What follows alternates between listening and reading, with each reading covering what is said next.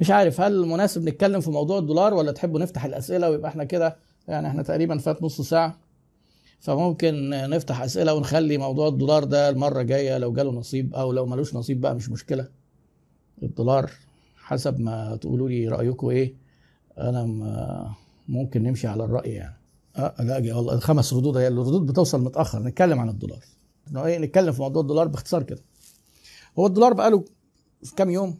من من بعد أجازة العيد. وقبل أجازة العيد كان الدولار قام زايد كده شوية بتاع 10 قروش تقريبا وبعدين خدوا البنوك خدت أجازة. فطبعا السعر بيقعد مجمد طول الفترة دي لأن مفيش سوق. العلاقة بين الدولار والجنيه العلاقة بيحكمها أساسا عرض والطلب. والعرض والطلب إحنا كنا ادينا فكرة عنه قبل كده لما كنا اتكلمنا شوية في موضوع لو تفتكروا لو كان حد منكم موجود يعني اللي كان إن إن كان في آه، إزاي إزاي زاد كده الكحول مثلا. وقلنا إن في عرض كحول وفي طلب للكحول وحاجات زي كده. لما الطلب بيزيد السعر بيزيد لما الطلب بيقل السعر بيقل. آه، نفس الكلام. العرض بيزيد السعر بيقل العرض بيقل السعر بيزيد. فاكرين لما قلنا العلاقات الطردية والعكسية. هي نفس الموضوع على فكرة. نفس الموضوع بالظبط في العلاقة ما بين الدولار والجنيه. الدولار أو هو أساسا في مصر إحنا بالنسبة لنا المتغير الأساسي الجنيه مش الدولار. إحنا خلي بالكم معزولين عن سوق العملات العالمية. آه، لأن عملتنا تعتبر من العملات المحلية الضعيفة. حركتها قدام الدولار أصلا بسبب متغيرات في الجنيه أكتر؟ وتوفر الدولار في السوق. مش بسبب مثلا إن الاقتصاد الأمريكي اتهز وفي مظاهرات فيقوم الدولار نازل في مصر. لا إحنا عندنا الأسباب المحلية هي اللي بتحرك الموضوع أكتر بكتير جدا من بره. يعني الدولار يتحرك مثلا ينزل قدام الجنيه الاسترليني والين والعملات القوية دي في نفس الوقت ممكن يعلى جدا قدام عملة زي الجنيه. ليه؟ زي ما قلنا العرض والطلب. طيب الدولار في السوق إيه اللي بيعمل عرض للدولار؟ إيه مصادر مصر من الدولار؟ في حاجة كده في كل في كل اقتصاد في أي دولة حاجة اسمها ميزان المدفوعات اللي هو ال balance of payments اللي هي إيه؟ يعتبروا كده إن في كأن في بوابة واحدة بيدخل منها كل الدولارات للبلد وهي اللي بيخرج منها كل الدولارات. لو اللي بيدخل كدولار أكتر من اللي بيخرج يبقى إحنا في عندنا فايض في ميزان المدفوعات. balance of payment يعني إيه؟ في دولارات بتدخل كتير بيدخل 100 دولار ويخرج مثلا 80 دولار. طب لو العكس لو بيخرج 100 دولار ويدخل 20 دولار يبقى إحنا كده عندنا عجز في ميزان المدفوعات. الميزان المدفوعات ده اللي بيقول قد إيه؟ آه، حركة العملة حركة الدولار داخلة وخارجة. طيب الدولار بيدخل مصر. إيه المصادر؟ مصادر دخول الدولار. أول وأكبر مصدر تحويلات المصريين العاملين في الخارج اللي هم بيحولوا لأهلهم عشان يصرفوا فبياخدوا الدولار يعرضوه في السوق أو عرضه ويجيبوا جنيه وياخدوا جنيه عشان يصرفوا منه. مش هيروحوا يشتروا خضار وفاكهة ويدفعوا إيجار ومدارس وعلاج بالدولار بالجنيه. ده دولار. تاني حاجة التصدير.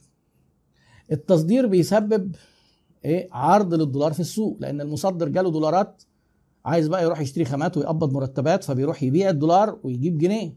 تاني حاجة التصدير. تالت حاجة قناة السويس اللي هي خدمة الناس بتعدي على قناة السويس يدفعوا لنا فلوس بالدولار. رابع حاجة السياحة. طبعا هم الترتيب آه، السياحة طبعا كانت بتدخل لما كانت السياحة مستقرة كانت بتدخل أكتر من قناة السويس. إحنا عندنا ك- كان عدى المبلغ عدى 20 مليار دولار تحويلات المصريين. طبعا السنة دي نزلت خالص. ال- الصادرات عندنا برضو حاجة و20 مليار تصدير بس تصدير يعني برضو تاثر شوية. السياحة صفر قناة السويس تأثرت لأن حركة التجارة العالمية تاثرت وبدأت بعض خطوط ملاحية تلف رأس الرجاء الصالح بتاع زمان قبل ما يحفروا القناة. بدأوا يلفوا ليه؟ لأن البترول رخص وتكلفة اللف كطاقة قليل والحركة التجارية أساسا ضعيفة ومش حمل إن يدفعوا رسوم. ف والتجارة العالمية قلت جدا. دخل قناة السويس قل شايفين المصادر؟ وفي عندنا الاستثمار الأجنبي. ما فيش حاجة تقريبا. استثمار اجنبي برضه ده ناس بتجيب دولارات عشان يستثمروها في مصر. آه، وفي نوعين من الاستثمار مباشر وغير مباشر. مباشر إن هو يعمل شركة وغير مباشر إن هو يدخل في البورصة. إيه خمس حاجات أهو قلناها. في حاجة ثابته اسمها القروض. القروض إحنا بنستلف بالدولار.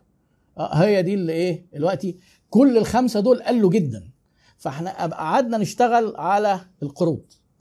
طيب البنك المركزي عايز يبقى الجنيه إيه وعايز يبقى العلاقة في الدولار إيه؟ عايز يحافظ على استقرار وعايز يحافظ على سعر معين. إحنا في عندنا مشكلة كبيرة. لو الدولار زاد قوي ومشكلة برضو لو قل قوي. ليه؟ تعالى كده نتخيل إن إحنا هنصدر. هنصدر. عندنا مثلا آه، بنصدر خضار ولا فاكهة. نفترض الكيلو بيكلفنا 10 آه، جنيه. لو الدولار ب 20 جنيه أنا كده لو صدرت الفاكهة دي بنص دولار هجيب ال 10 جنيه. طب لو الدولار قعد ينزل ينزل زي مثلا ما وصل 15 جنيه أنا عايز أجيب ال 10 جنيه ال 10 جنيه بتوعي. فأنا بدل ما أصدر بنص دولار هضطر أصدر ب 70 سنت. مش هعرف أنافس بره مش هعرف أصدر. مشكلة. يعني المصدرين هو مصائب قوم عند قوم فوائد المصدرين عكس المستوردين. المصدر ينام آه، يدعي ربنا يا رب الدولار يزيد. لأن بيجي له دولار. المستورد يدعي ربنا يا رب الدولار ينزل. طب الاقتصاد يا رب الدولار يثبت. يا رب الدولار يثبت ويثبت عند رينج إيه صحي للاقتصاد اللي هو مش عالي قوي ومش واطي قوي. لأن برضو في ناس فاهمة حاجة. متخيلين إيه؟ إن إحنا علشان علشان نقدر آه نصدر إحنا بنصدر كده من غير ما نستورد. لا ما ينفعش. لو مسكت أي سلعة بتصدر هتلاقي ليها حاجات جاية مستوردة. يعني مثلا آه، أنا دايما بدي مثال آه، بحاجة زي النجارة بتاع دمياط. الخشب مستورد والقشرة مستوردة والدهانات مستوردة والإكسسوار مستورد والمكن مستورد. فاضل إيه؟ العماله يعني معنى كده عشان نصدر موبيليا إحنا لازم نستورد كل الكلام. فلو الدولار زايد مش هنعرف نصدر برضه لأن حاجة تكلفتها هتزيد. شركة جهينه لما تيجي تصدر عصير عصير أناناس جهينه هو إحنا عندنا أناناس؟ ما بنزرعش أناناس. مركزات مستوردة. سكر أغلبه مستورد. العبوات تتراباك شركة سويدي مستورد. المكن مستورد. إيه العربيات والثلاجات مستورد؟ الكهرباء. تقول الكهرباء مستوردة؟ آه مستوردة. لأنها شغالة من محطات كهرباء بنجيب لها سولار من بره أو غاز من بره. مستورد. يبقى فاضل إيه؟ المية والعماله فما فيش حاجة اسمها إيه؟ إن الدولار يا رب كده آه، يقول لك إيه؟ ده إحنا لو برقنا للدولار كده شوية هنلاقي الجنيه ب 10 دولار. كده يعني الاقتصاد بقى ممتاز؟ لا ده ده مصيبة سوداء لو الدولار ب 10 جنيه مش معناه إن الاقتصاد مش هنعرف نصدر بجنيه. يعني دي حاجة فيها الميزان التجاري. طيب إيه بقى اللي حصل الفترة دي؟ علشان البنك المركزي يقعد يحافظ على الرينج ده بيحصل بيعمل إيه؟ البنك بيبقى عنده البنك المركزي القوي دايما في أي دولة يكون عنده احتياطي. يحصل طلب على الدولار ومفيش دولار يقوم منزل جزء من الاحتياطي هو اللي يسد الطلب. يجي الدولار يتظبط لحد ما يلم دولارات تاني يقوم مدخلها في الاحتياطي. هو قاعد بقاله فترة بي إيه بيسند في الجنيه وينزل من الاحتياطي ينزل من الاحتياطي. وبعدين اقترض ونزل شوية إيه القروض القروض على فكرة ما إحنا في إحنا خدنا قروض الفترة اللي فاتت دي تقريبا باتنين ونص من صندوق النقد وخمسة مليار من بره. آه، ومتكلمين دلوقتي آه، إن إحنا نزودهم ل 12 ونص مليار طالبين خمسة ونص كمان غالبا هيتوافق عليهم يعني 12 ونص مليار دولار. هيجوا. آه، لكن لو ما حصلش في الاقتصاد دي كلها مسكنات. انت إيه حد عيان كده بتدي له دواء في عيادة الاقتصاد بقى مش في عيادة الشركات ان هو حاجة تمشيه كده شوية. لكن إحنا مصر بتحتاج بتحتاج مبالغ كبيرة جدا. طب إحنا بقى بنحتاج الدولار في إيه؟ إحنا عرفنا بيجي منين؟ إحنا محتاجين الدولار في إيه؟ لأن في حد من التعليقات مثلا آه لما أنا كتبت خبر إن الدولار ده قال لك طب ما هو ما فيش استيراد آه إحنا محتاجين الدولار في إيه؟ ما فيش حاجة اسمها فيش استيراد. إحنا محتاجين الدولار أساسا للاستيراد.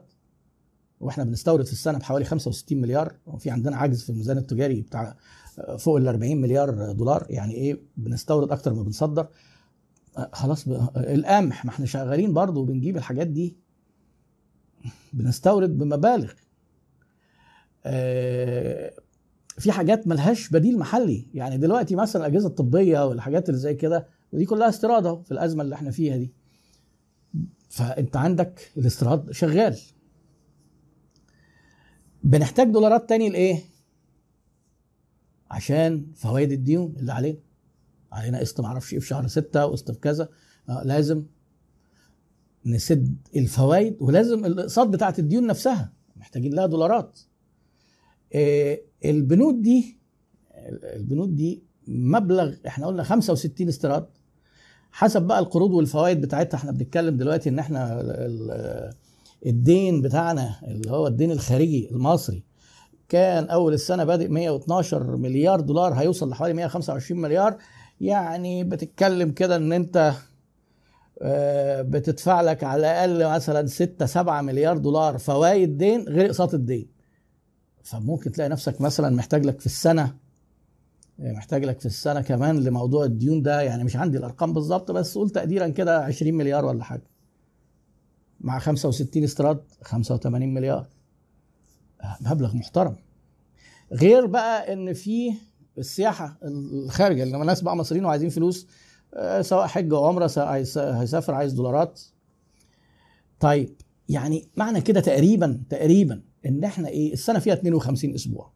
لو افترضنا إن إحنا محتاجين 80 مليار بس يعني إحنا محتاجين كل أسبوع كل يوم سبت كده مليار ونص دولار. عشان برضه نبقى في امين لما يجي يقول لك إيه ده في قرض هيسند أهو هيظبط الموضوع. كام؟ ده 2 مليار. أسبوع يا حبيبي. خلاص راحوا خلاص خلصوا بعد كده. يعني عشان تعرفوا بس الإيه لازم يبقى لك ريفرنس وأنت بتسمع أي أرقام وأنت بتقيمها تبقى عارف القصة دي حجمها قد إيه ويعني إيه 2 مليار دول كتار ولا قليلين و... يعني عشان برضو الهبد اللي بيقول لك الحمد لله كده إحنا إيه جالنا الاثنين دول هيظبطونا. ده كده إيه آه قرص مسكن. طيب لو الأمور بدأت تتحسن السياحة مش منظور لها شوية. مصادر الدولار بقى. البطالة اللي حصلت بره أثرت على مصريين كتير قوي مش قاعدين مش شغالين مصريين هيرجعوا. فالتحويلات المصريين مش متوقع السنة دي إنها تعمل رقم كويس. القرض اللي هو هيخلص ده هيبقى إحنا هندخل هناخد لنا حوالي 12 مليار. يمكن على آخر السنة نضطر لازم هناخد قروض تانية. ماشي. يعني لو المصادر دي ما ظبطتش اللي هو العيب الهيكلي اللي موجود في الاقتصاد ده كده مش هنقعد ننفع نقعد نقترض نقترض لأن ما القرض ده بيبقى عبء بعد كده بتحتاج تسده. ومن ضمن برضه حاجات اللي إحنا محتاجين دولار عشان ما ننساهاش الشركات اللي بتيجي تستثمر من بره دي ما هي دي بتحتاج تحول أرباحها بعد كده. فإحنا بنفرح بيهم وهم داخلين بالمليارات يستثمروا وبعدين كسبوا بقى من السوق. بياخدوا الجنيهات اللي كسبوها يشتروا بيها دولارات ويبعتوها بره بتخرج الدولارات. فده من عيوب على فكرة الاستثمار الأجنبي المباشر إن هو صحيح مهم للاقتصاد وكل حاجة ما قلناش إنه وحش. بس اعمل حسابك إن في دولارات بتخرج بقى بعد كده كل شوية. وكانت القرارات مع التعويم كانوا وقفوا الموضوع بس بدأ يتفتح تاني وإلا ما كانش ينفع حد يجي. إزاي هجد عندك وأنت بتقول لي أرباحك ما فيش دولارات هتطلع؟ وفي شركات خرجت من مصر كانت بسبب المشاكل دي. فيعني ال الوضع اللي كان حاصل هو اللي مش طبيعي. إن في وسط أزمة اقتصادية زي كده والاقتصاد المصري بيعاني وميزان المدفوعات فيه عجز جامد. وإن الدولار قاعد ثابت قدام الجنيه أو إن الجنيه كمان بيعلى والدولار بينزل ده كان إيه؟ ده أكيد الضغط ده كان على حساب الاحتياطي هو الاحتياطي فعلا نزل جامد هو اللي قاعدين بيختاروا دلوقتي ليه؟ إن الاحتياطي نزل تقريبا أنا قريت حاجة بتاع 8 مليار حاجة زي كده. ف فالاحتياطي ده إيه؟ يشكل خطورة لما بينزل فلو حصل الكلام ده وبدأ في ناس من الاقتصاديين يعني بصوا ما فيش حد هيقدر يقول لك إيه طب هيزيد ولا بتاع. المستقبل دايما بيبقى في ظروف زي اللي إحنا فيها دي أزمة عالمية بيبقى غامض واللي يقول لك أنا إيه تعالى كده أنا عندي البلوره السحرية الدولار هيوصل كذا في تاريخ كذا. هبد ده ما بقى ده كده ده منجم بقى. لكن ممكن نقول مؤشرات يعني الأمور إن هو مش هيرجع تحت ال 16 ما أظنش يعني.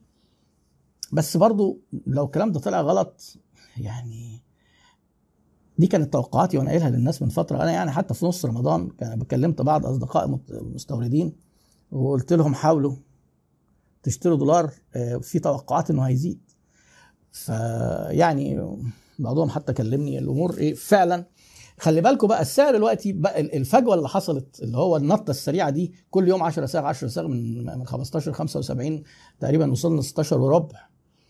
اوجدت سوق سودا السوق السودا ليه؟ السوق السودا زي ما قلنا على طول بيخرجوا بره العرض والطلب الناس وتتقابل بره. البنوك بتغطي أنشطة استيرادية مش كلها. مش كل المستوردين البنوك بتوفر لهم عملة. ففي مستوردين البنك بيقول لهم إيه؟ اتصرف أنت في العملة. بيروح يشتري من بره. يشتري من بره. البنك يقول لك إيه؟ 16 جنيه 15 قرش شراء و16 25 طب عايز ب 25 ما فيش. تروح تشتري من بره بقى بكام؟ 30 35 40 50 وناس اشتروا ب 16 ونص. 16 ونص دي علامة خطر بقى لأن كان السوق قبل كده ما فيش فيه الفرق السوق السوداء كانت الأمور ماشية لأن دايما في دولارات بتسد بيضغطوا على الاحتياطي وبينزلوا السوق. بدأ بقى يخاف وفعلا كان لازم يخافوا أنا رأيي كان لازم يخافوا بدري عن كده شوية. والدول بتتعامل مع الدولار في ثلاث مدارس أو ثلاث اتجاهات في الاقتصادات العالمية. في دول رابطة عملتها بالدولار وثابتة السعودية مثلا 40 سنة بقى لهم. الدولار 3.75 ما بيتحركش. fixed حاجة اسمها fixed وفي free floating اللي هو ال free اللي هو السعر الحر. زي مثلا الدولار الكندي والدولار الأمريكي نفسه المفروض إن هو free floating ما, ما, حدش بيسنده يعني قوي. في حدود ضيقة. وفي حاجة اسمها control control يعني البنك المركزي بيتحكم فيه. إحنا رافعين يافطة وقايلين إن هو متعوم free floating بس بيننا وبين بعض كده هو control هو control يعني البنك المركزي له تدخلات مع البنوك إن هو نتحرك في ال range ده. و control دي مش حاجة وحشة ومش حاجة مش غريبة. إنجلترا control اليابان control الصين control وال control زي ما قلت لك يعني الصين مثلا مسعرة دايما عملتها منزلاها عشان تعرف تصدر. أمريكا متضايقة جدا من الحكاية دي وعايزينهم إيه عايزين الدولار بتاعهم يقل قدام اليوان. يعني عكس ما الناس فاهمة إن هو إيه كل ما العملة تبقى غالية كده الاقتصاد كويس. لا ده هم عايزين يقللوا الدولار يعني عايزينهم يغلوا عملتهم عشان مغرقين السوق عندهم ببضاعة لأن الاستيراد بقى سا إيه الاستيراد منهم أحسن بكتير لأن عملتهم رخيصة. فيعني ما أعرفش أنا شرحت حاجة ولا أنا عقدتكم زيادة ولا دخلت الأمور في بعضها. فلكن الموضوع زي ما بقول لكم كده هي العلاقة عرض وطلب باختصار وببساطة. مصادر الدولار قلت فكان لازم الدولار يزيد. حصل ضغط على الجنيه بسبب إن المصادر الدولار قلت بس الاحتياطي سند شوية وده كان على حساب إن هو يقل. اضطرينا نقترض اقترضنا فعلا بس خوفا من إن الضغط يزيد عن كده تاني لأن إحنا هنقعد نقترض نغطي نسند الجنيه إلى ما لا نهاية ومش مش واضح الموضوع ده هيقعد لحد إمتى. فكان لازم البنك المركزي ربنا يجعله عامر فعلا كان لازم البنك المركزي يرفع إيده عن الجنيه شوية. وهنشوف الأمور هتمشي إزاي الفترة الجاية.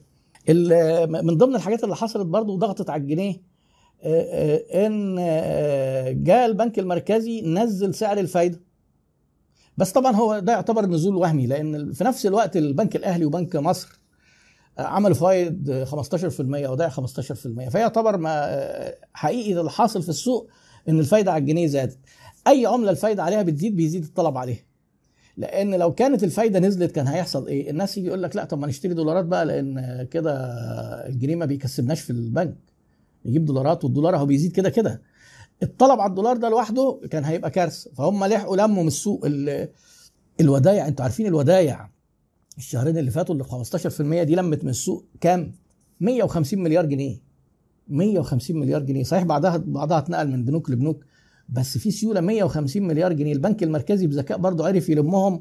دول كانوا ممكن جدا ينزلوا السوق يتحولوا دولارات يزودوا الطلب على الدولار يرفعوا يدفعوه زيادة. فهم عملوا شوية حاجات برضو أخرت. يعني آه إحنا عشان الاقتصاد بتاعنا أصلا مش من الأخ كريم الوقاد بيسأل يعني موضوع الأزمة من الواضح انه هيبقى تأثيره على مصر هيبقى أقوى آه طبعا هو تأثير علينا هيبقى قوي ليه؟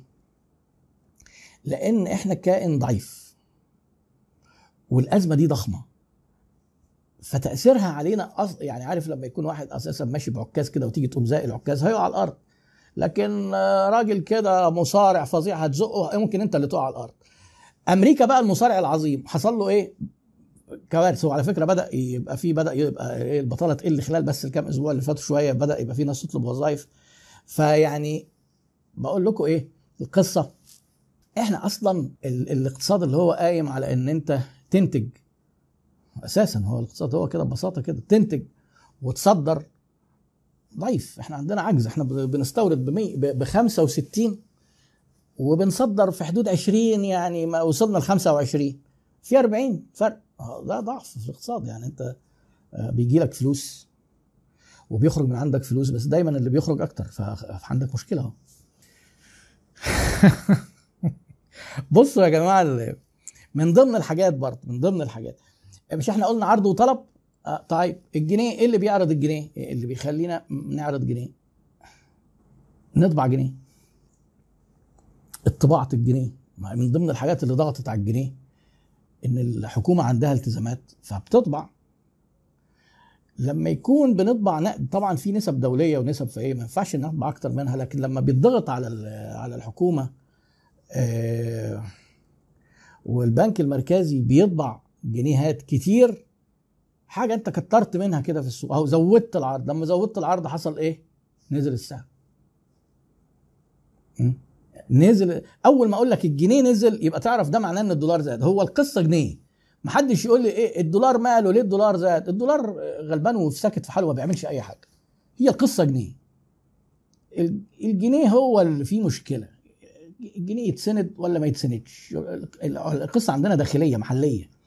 طيب ما تيجي تقول لي ما أنت قلت إن الدولارات بطلت تيجي؟ قال آه بس هي الدولارات إيه زي ما هي يعني ما حصلش فيها حاجة مش الدولار زاد بره فزاد عندنا ولا قل فقل عندنا لا هو اللي بيغي بيتغير عندنا اقتصادنا إحنا وده بيسمع في الجنيه بتاعنا إحنا هو الجنيه. عشان كده انسى وانت بتعمل إيه؟ تحليل لسعر العملة المصري انك تهتم قوي بأخبار الاقتصاد الأمريكي. لا مالناش دعوة. خلينا في مصيبتنا السوداء جوه هنا. هي دي اللي بتحرك وبتنزل وبتطلع طيب من ضمن التقديرات إن البنك المركزي تقريبا بيطبع مليار وناس قالت اتنين. آه، بس لما أنت تخيل أنت بتطبع مليار كل يوم خلينا ناخد بالتقدير المليار ده. يعني ده التقدير الأقل. آه، مليار كل يوم يعني أنت بتطبع آه، 360 مليار جنيه في السنة. طباعة. آه هيقل طبعا. يعني ده من ضمن الحاجات يعني. لأن حد كاتب لي بس آه، إيه رأيك في طباعة ال 500 جنيه؟ طباعة ال 500 جنيه في حد ذاتها مش مؤثر. لو أنت إيه مثلا هتلم هتلم مليون جنيه ميتينات وتنزل مليون جنيه استبدال لأن من ضمن الحاجات البنك المركزي بياخد العملات القديمة وينزل عملات جديدة عشان تفضل كده حافظة كيانها وبيعدموها وبتاع. وكان زمان اكتشفوا في إيه ناس آه، آه، بياخدوا الحاجات دي. المهم طبعا ده شك غير قانوني يعني. فهي مش حكاية 500 جنيه و200 جنيه هي 500 جنيه طبعا دي ليها دلالة إن ما دام إحنا بقينا بنكبر في العملة كده إن التضخم والفلوس قيمتها بقت بتقل وما آه، مش ما بقتش تسد يعني بقى ال 100 جنيه مش كفاية و200 جنيه وعشان أنت مثلا تروح تشتري شقة محتاج بقى تاخد زكيبة فلوس كده فال 500 بقى هتقلل شوية. آه، فيعني ده دليل استعدادا لإن ممكن يبقى فيه تضخم أكتر من كده. أيوه بالظبط الأخ رجاء السباعي بيقول هو الأصل هو سعر الجنيه مقابل الدولار هي القصة جنيه. قصه جنيه محدش يقعد يقول لي ده أمريكا عندهم مظاهرات إيه اللي يخلي الدولار يزيد؟ يا حبيبي إحنا مالنا؟ الناس بتلعب مع بعض فوق إحنا تحت إحنا تحت إحنا إيه؟ إحنا في البدروم تحت بنلعب مع بعض. إحنا وشوية الدول اللي هي الاقتصادات اللي بيسموها ناشئة دي يعني عشان بس ما يزعلوناش. يعني متعكزين. هم يعملوا مظاهرات مع بعضيهم بتاع. آه إحنا لو إنجلترا نقول لك ماشي كده الجنيه الاسترليني هيشد حلو قدام الدولار شوية ماشي. لكن إحنا لا. خلي بالك أنت لو خدت الجنيه بتاعك المصري ده ورحت بيه أي دولة في العالم بره مصر تقريبا ملوش قيمة. عشان برضو في ناس في ساعات بتفهم الحكاية غلط. يقول لك إيه ده؟ ده أنا سافرت ما أعرفش سياحة فين وكان معايا شوية جنيهات اتزنقت اغيرهم جيت لقيتهم بيقولوا لي ده ما أعرفش ده أنت هناخد منك ال- الجنيه بولا حاجة. عايزين ياخدوا 40 جنيه ويدوني دولار. ده إحنا كده ده إحنا يبقى إحنا مضحوك علينا. ده يبقى كده الدولار ما أعرفش إيه ده يبقى سعره 40 جنيه. لا طبعا. لأنها عملة محلية ما لهاش قيمة بره. ومش إحنا لوحدنا يعني. مش ده السعر. إحنا بنتكلم على السعر عندنا. الورقة دي إحنا اللي بنطبعها وإحنا اللي اتفقنا بينا وبعض كده إنها ليها قيمة. الناس اللي بره ما مش متفقين. معانا. آه، إيه دي إيه دي؟ بلد إيه دي؟ اسمها إيه؟ مصري ده إيه ده؟ استنى كده ما نشوف. آه معاك كام؟ 100 جنيه؟ آه، خد دولار ونص. ما تجيش تقول لي هو سعره كده؟ ملوش قيمة بره. ملوش قيمة بره. في عملات دولية عملات محلية إحنا العملة بتاعتنا بين إحنا إيه كده إيه؟ اصطلحنا كده إن لها قيمة عندنا. بس محدش الدولية بقى إن أنت تروح مثلا أي حتة تروح بيورو آه قوي قوي استرليني ماشي دولار تمام ين يعني آه، جنيه سوداني. لا بقى شكرا. دينار عراقي آسفين. ما نعرفكش. ريال سعودي ممكن. اقتصاد اقتصادات ما هو شوف الاقتصاد آه بس طبعا دلوقتي هم هتلاقيهم بعافية شوية. دي قاعدة اقتصادية. الأخ رضا خيري بيسأل سؤال زي ما مشروحة في الكتاب. ليه الأسعار بتزيد بسرعة لما الدولار يزيد وليه الأسعار بتقل ببطء لما ينزل؟ ليه؟ لأن أي تاجر حتى من غير ما يدرس إدارة أي مستورد جايب الحاجة دي مثلا ب 1000 دولار. أيام ما كان الدولار زي ما إحنا بنقول كده خلينا نتكلم على أيام التعويم كده. أيام ما كان الدولار مثلا بتجيبها جايبها هو إيه؟ أيام ما كان ب 8 1000 دولار بكم مكلفاه؟ ب 8 بجماركها وصلت 10 صحي الصبح لقى الدولار ب 20 يعني البتاعة دي لما يبيعها هيروح يجيبها ب 1000 دولار تساوي 20 بجماركها 24 أو 25 تلاقي بعد ما كان بيبيعها بت... جايبها ب 10 بيبيعها ب 12 13 تاني يوم على طول يبيعها ب 30 تقول له ليه يا عم؟ ده انت كده حرامي ومفتري. لا طبعا ما هوش لا حرامي ولا مفتري لأن هو مش فاتح عشان يبيع البتاعة دي ب 12 ويقفل بقى. ده هو لازم هيجيب غيرها تاني. في حاجة اسمها replacement cost في المخزون. يعني انت لازم آه، المخزون ده خلص تجيب بداله. أول ما تكلفته بتزيد ده اللي بيزودها إيه؟ الخبر. إنك عرفت الدولار بقى بكذا أنت لسه ما جبتش. آه بس ليه تزود؟ لأنك هتجيب. خلاص. شفتوا بقى فجأة إزاي السعر زاد؟ فجأة زاد. طيب. الدولار وصل 20 عندي في المخزن أهي جبتها ب 20 كلفتني 25 مسعرها ب 30 الدولار بقى 19 لا ب 30 هخسر بقى؟ 18 ب 30 17 خلينا 29 خلينا 28 شايفين البطء؟ شايفين البطء؟ أهو. نط بسرعة وبعدين السعر يقعد ينزل بس في مخزون بتكلفة عالية. فهو مش عايز يساعد تيجي تقول لي تكلفه في هنا كمان حتة نفسية تيجي تقول لي يبقى إيه؟ ما هو بقى يبيع ويروح يجيب. لا. في علم الاقتصاد السلوكي ما نقدرش نستحمل نعمل حركة زي دي. ما إحنا بشر وإحنا قلنا ان إحنا بني ادمين اكتشاف ده هو الراجل كانمان ده قال لك إحنا راشونال ما انت بنفس المنطق ده ماشي كده. لا ما بتمشيش بقى كده يا حبيبي لا استنى بقى. هي بقى قاعدة لا بتاكل ولا بتشرب. هيضطر في الآخر يلاقي إن هو ممكن تنزل بس فين؟